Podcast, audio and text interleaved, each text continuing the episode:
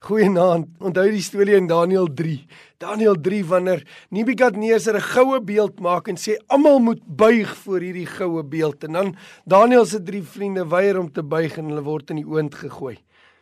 O, oh, dis vir my een van die mooiste beelde van dit wat Jesus sê, jy kan nie God en Mammon dien nie. Jy kan nie God en Mammon dien nie. Mammon, die god wat agter geld en welvaart sit. Want weet jy wat? Hy soek aanbidding.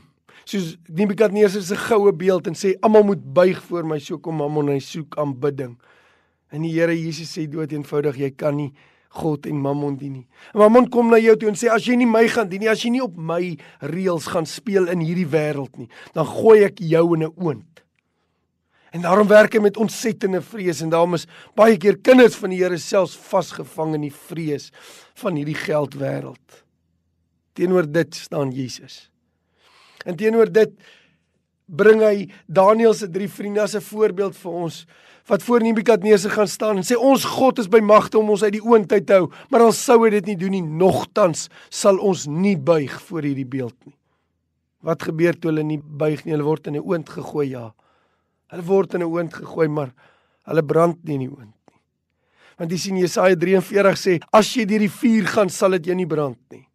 As jy deur die water gaan, sal dit jou nie wegspoel nie. Hulle klere ruik nie eens na rook nie. Inteendeel die tweede ding wat gebeur is Jesus wys homself in hulle midde in die oond. En dikwels kom jy as 'n kind van die Here as jy die regte ding doen dan voel dit asof jy in 'n oond is. Dit voel vir jou asof jy in 'n toets is en jy kan nie weer nie, maar die Here Jesus wil homself in daai toets wys.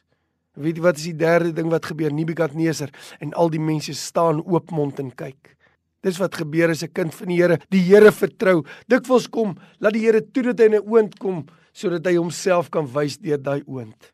Ek weet nie wat se krisis is jy nie.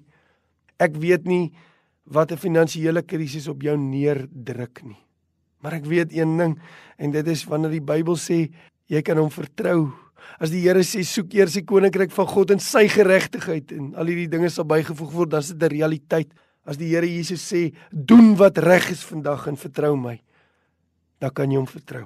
O, ek wil saam met u bid. U sit in 'n finansiële krisis. Daar's 'n oond wat na u toe kyk. Vertrou die Here. Hy sal u in daai oond en deur daai oond beskerm. Hy sal jou nooit begewe en jou nooit verlaat nie, sê Hebreërs 13, want hy's ons helper. O, daardie bekommernis waarmee jy elke nag wakker word, bring dit na hom toe. Ag Here Jesus, my gebed is dat U ons sal bystaan en sal help in ons bekommernis in Jesus se naam. Amen.